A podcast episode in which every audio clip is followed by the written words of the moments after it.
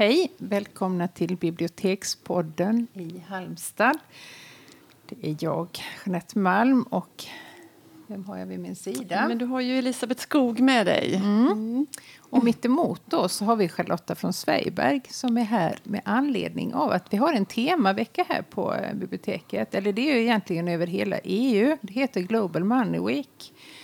Och när vi planerade den för ganska länge sedan så tänkte vi måste ha någonting på temat. Och då kom jag att tänka på din bok. Ja. Fattigfällan som jag läste ganska omedelbart efter den hade kommit ut och blev väldigt eh, upptagen av och pratade med alla som Ja, det gjorde de du. ville eller inte så fick Hela de höra tiden, allt om. ja. Och vet ni hur Beata fick? Vad bra. Och, ja, nej, men jag bara, och då tänkte jag att det, det passar in, för den handlar ju i allra högsta grad om pengar. Eh, Ja. Eller bristen på pengar och hur viktigt pengar är. Mm.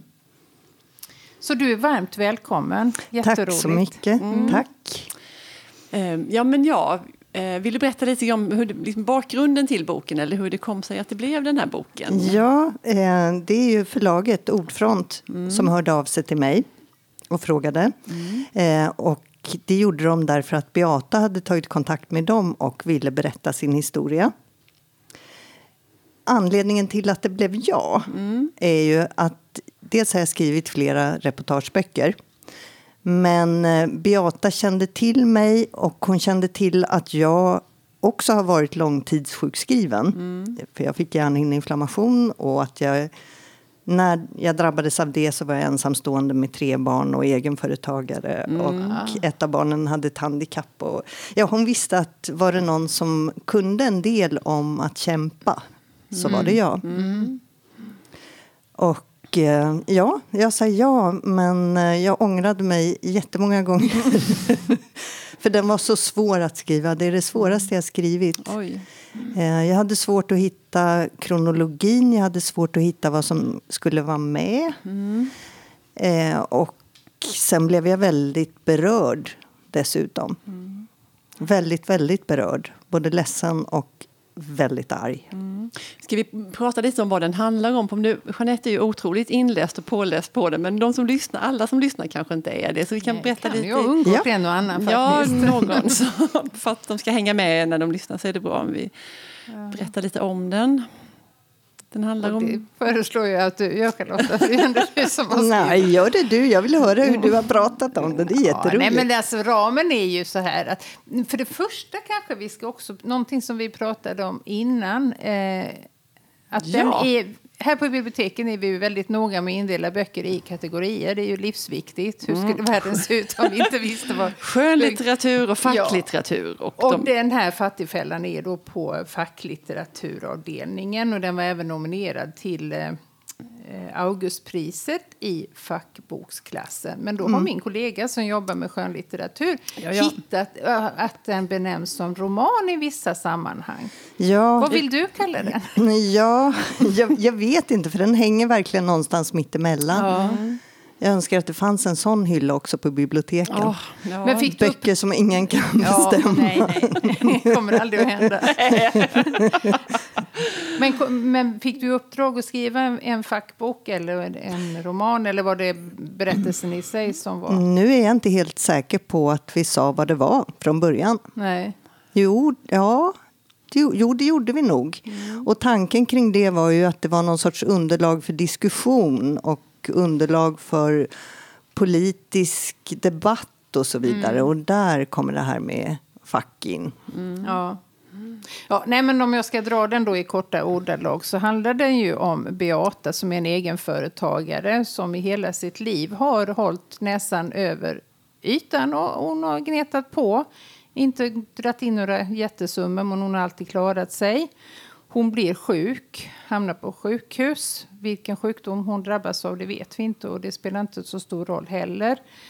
Eh, medan hon ligger där så tickar hennes månatliga avgifter på. Hon be- måste betala in sin skatt och sin moms och vad det nu är man betalar in. Ganska stora summor varje månad. Så redan när hon kommer ut ifrån sjukhuset så är hon ju jätteskuldsatt. Samt att hon faktiskt inte kan jobba eftersom hon fortfarande är väldigt sjuk och hon behöver återhämta sig. Sen får man nog i boken följa hennes vandring från det här självklara att jag bor i Sverige. Det är klart att jag får hjälp. Jag kan inte jobba, men jag måste ju, jag måste ju överleva. Tji fick hon, tji fick vi. Eh, det visar sig ju vara extremt svårt och till slut så ger hon ju upp. Hon skiter i socialen helt enkelt. Mm. Mm. Där man tror att man får hjälp. Och de mm. enda som egentligen visar henne någon medmänsklighet och värme och praktisk hjälp, säger hon, det är ju faktiskt kyrkan. Ja. Men i Sverige vi tror att, att det finns mm. någon sån där omhändertagande ja. instans, mm. lite sådär samhällets förälder mm. som träder in när allting går åt fanders. Men mm. Eh, sanningen är ju att det gör inte det. Det Nej. finns inte. Det var nog det som gjorde mig så upprörd. Och, jag tror att det är det som gör att folk blir så upprörda när de läser ja, den faktiskt. Mm. Eh, och jag tror också att många kan identifiera sig med henne för att hon är en helt, helt vanlig. Mm. Och det tror jag tar skruv mer på något sätt. Det här, är en, det här hade kunnat vara precis vem som ja. helst.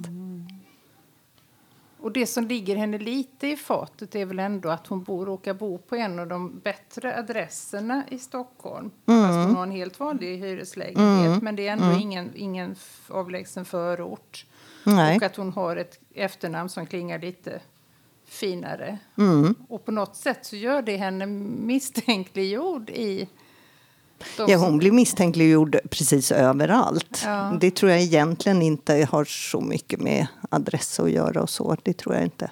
Ehm, men hon blir misstänkliggjord och det är ju det som händer för så många som kommer ut och berättar att de är fattiga. Att genast mm. ska folk vara där och peta. Ja, men hur fattig är hon då? Nej. Jaha, nej, men är det inte så då? Är det inte så? Och jag såg henne minsann, hon köpte godis mm. förra ja. veckan och hon säger att hon inte har pengar till mat. Mm.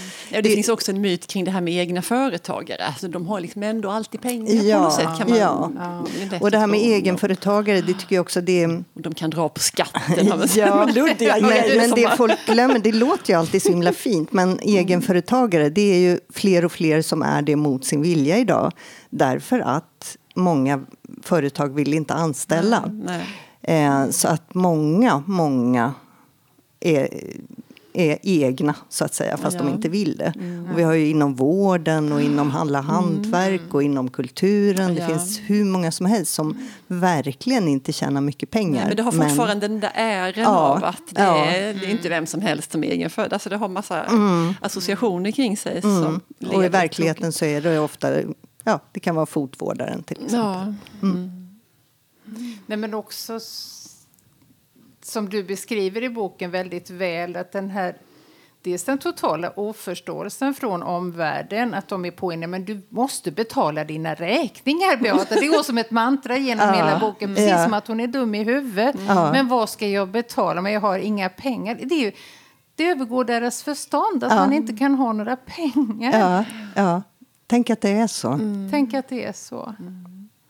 Och det här, jag tänker på en scen, hon, hon blir bjuden på restaurang, mm. eh, en ganska fin restaurang. Och då är hon livrädd att någon ska se henne. Mm. För att där sitter du och smörjer krås ja. och då blir hon ju bjuden naturligtvis. Ja, men, ja. men hon kan, det smakar henne ju inte eftersom hon då är så rädd. Alltså hon, hon känner sån skam hela tiden. För, mm.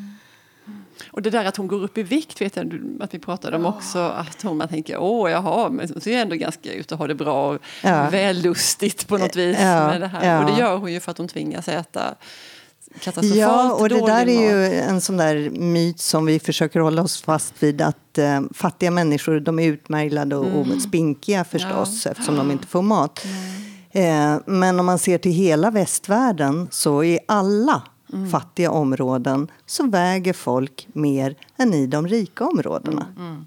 Så är det i Sverige, så är det i övriga Europa, så är det i USA.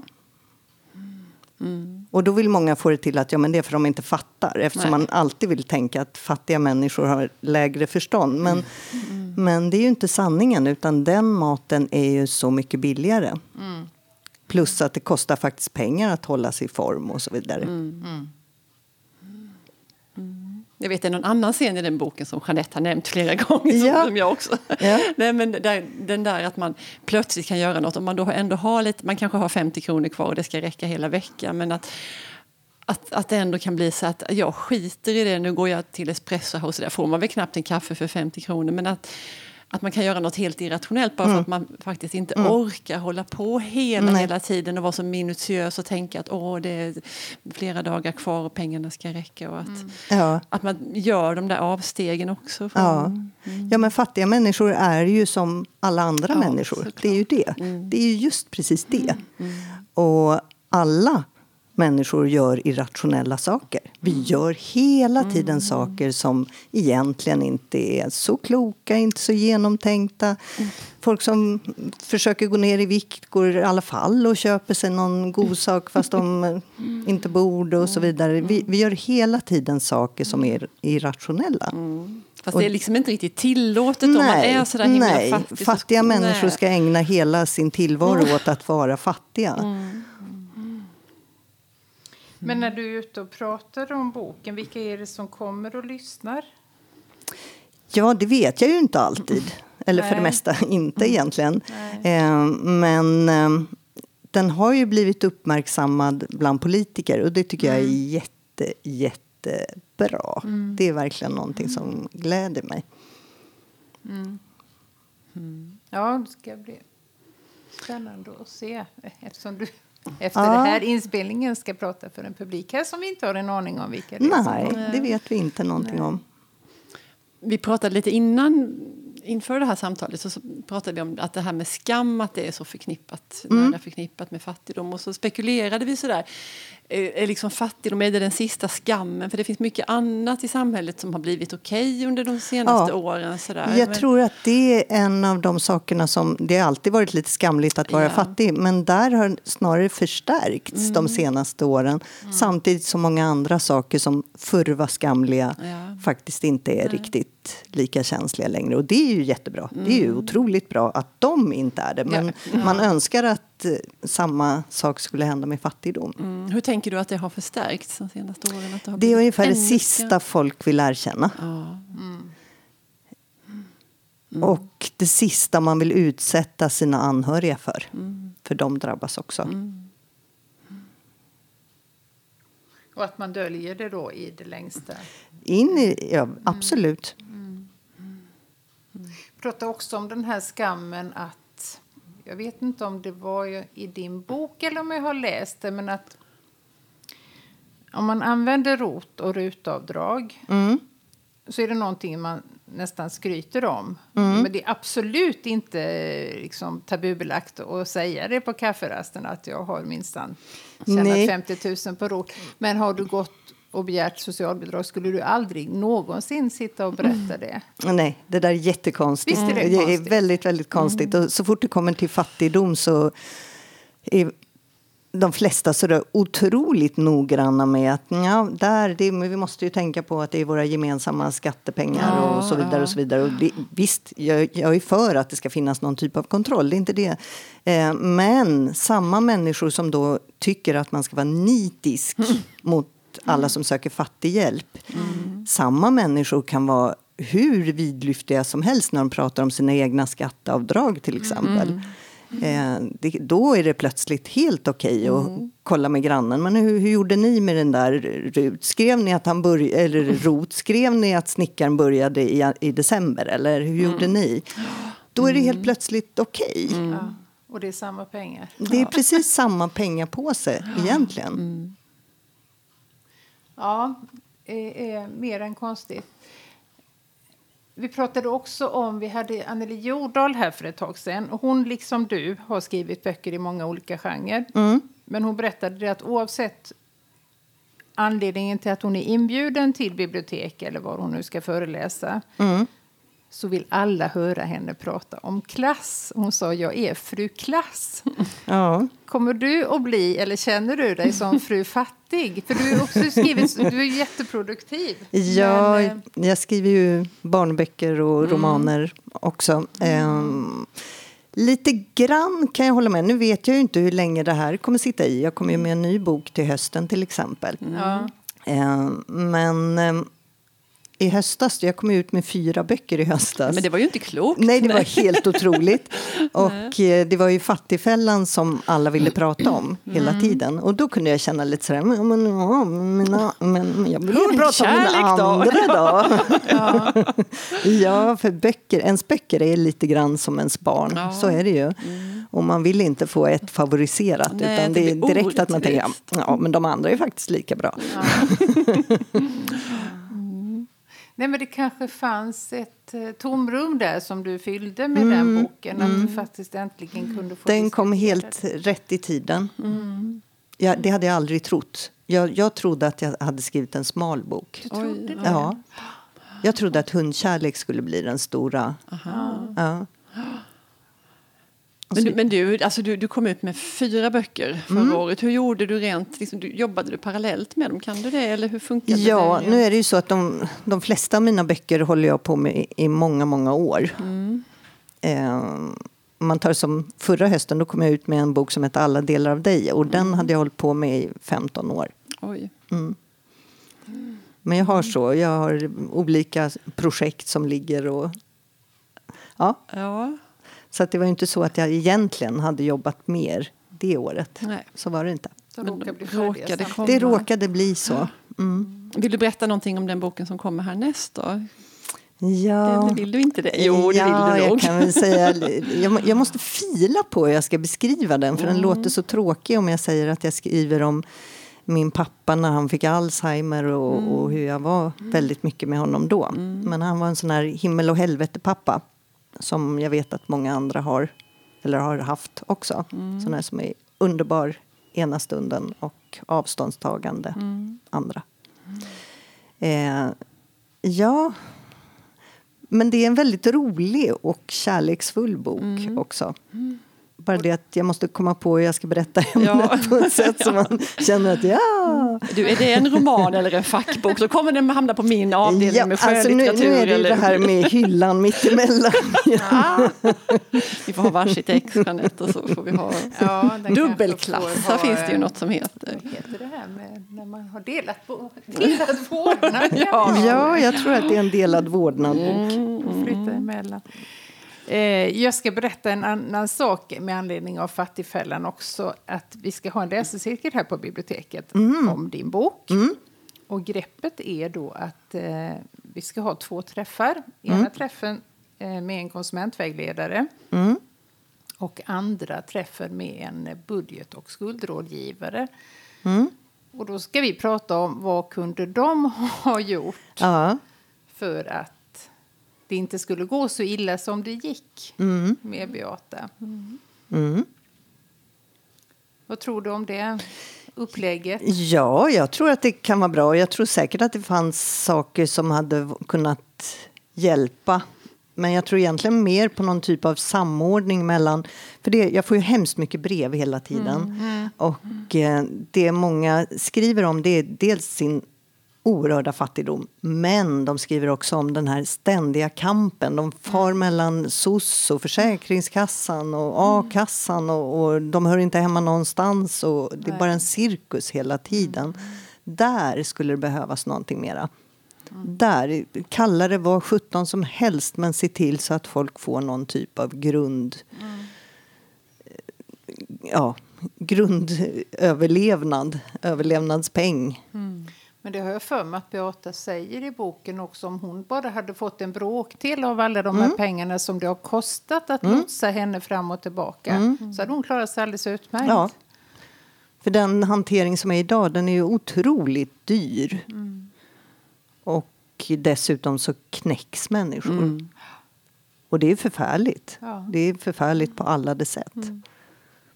Men hur har det gått för henne då? Ja, det har ni kontakt? Ja, vi har kontakt. Mm. Eh, det är bättre, men det är ju inte, det är ingen sån här åh, tjo och kim, nu är allt mm. jättebra. Nej. Den happy end finns inte. Nej. Nej, det förstår man ju. Mm. Eh, på slutet där också, men man vill, man vill ju väldigt gärna att det ska ja att det ska gå bra. Men det är ju bara i romanerna som man bestämmer det själv. Ja, ja. Mm. Mm. Uh, nej, men jätteintressant att höra dig berätta om Fattigfällan och ditt författarskap. Vi har en liten tradition här att vi brukar sluta våra program med att vi tipsar om böcker som vi vill att våra lyssnare ska läsa. Och då tänkte jag fråga dig först, Charlotta, om du vill tipsa om någon bok. Mm. Oj, oj, oj, vad det är svårt. Ja, det finns så eh, många.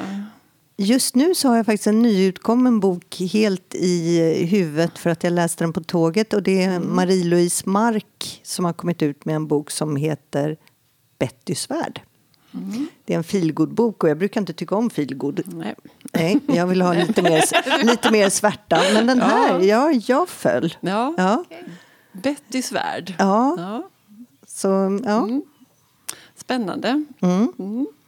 Jeanette då? Eh, jag har precis börjat med Ian McEwans Nötskal. Ja. En väldigt originell bok som är, eh, berättar jaget är ett ofött barn som får höra hemska saker inifrån sitt skyddande skal. Och han är så ord, jag tror att det är en han, det vet man. Ja, men det ser nog en liten gosse här ja. mig. Ja. Att det planeras eh, hemska dåd mellan hans mor och hans eh, mammans svåger, tror jag det är. Mm, som också är... Ja. Och han filosoferar om hur han ska kunna förhindra och ja, han tolkar den här informationen lite. Mm. Det är väldigt, en väldigt originell eh, historia. Som, om det hade varit en annan författare än Ian McEwan så hade jag nog avfärdat den och tänkt att det där låter för skruvat. Men eh, jag är väldigt förtjust i hans författarskap. Så att, eh, jag ska ge mig du an. köper det? Jag köper det. Ja. Han, är ju, han är ju väldigt rolig emellanåt. Man mm. glömmer det. Men mm. han är faktiskt har väldigt mycket humor. Mm. Du då? Och jag då? Nej, men igår så pratade jag med någon kollega här och vi kom in på Sonja Åkesson och så var jag ledig några timmar mitt på dagen igår och fick som fruktansvärt lust. Men man tänker sig ja, med Sonja Åkesson att man liksom har henne klar för sig. Kanske, eller det läste man då. eller sådär. Men fram med några böcker. Det var fruktansvärt dammigt i hyllan, insåg jag. Men, och, eh, nej, men, och jag blev sittande där både länge och väl och bläddrade och kände igen. Och, och blev riktigt tagen av det och inser liksom hur många som verkligen är påverkade av henne. Av mm. Kristina Lugn och flera andra författare som har kommit sen. Att, att hon verkligen satte avtryck. Och det, alltihopa började med att jag hade för mig att, jag, att hon hade skrivit en katalogdikt med massa recept.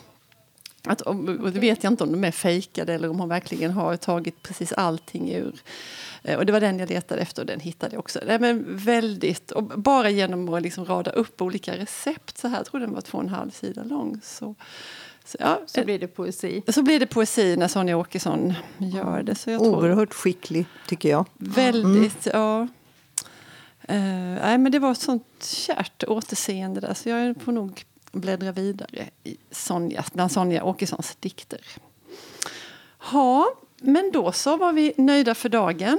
Ja, det var vi. Ja. Eh. Tusen tack Charlotta von Zweigbergk för att du ville vara med oss en stund här på eftermiddagen. Ja, tack för att jag fick komma. Ja.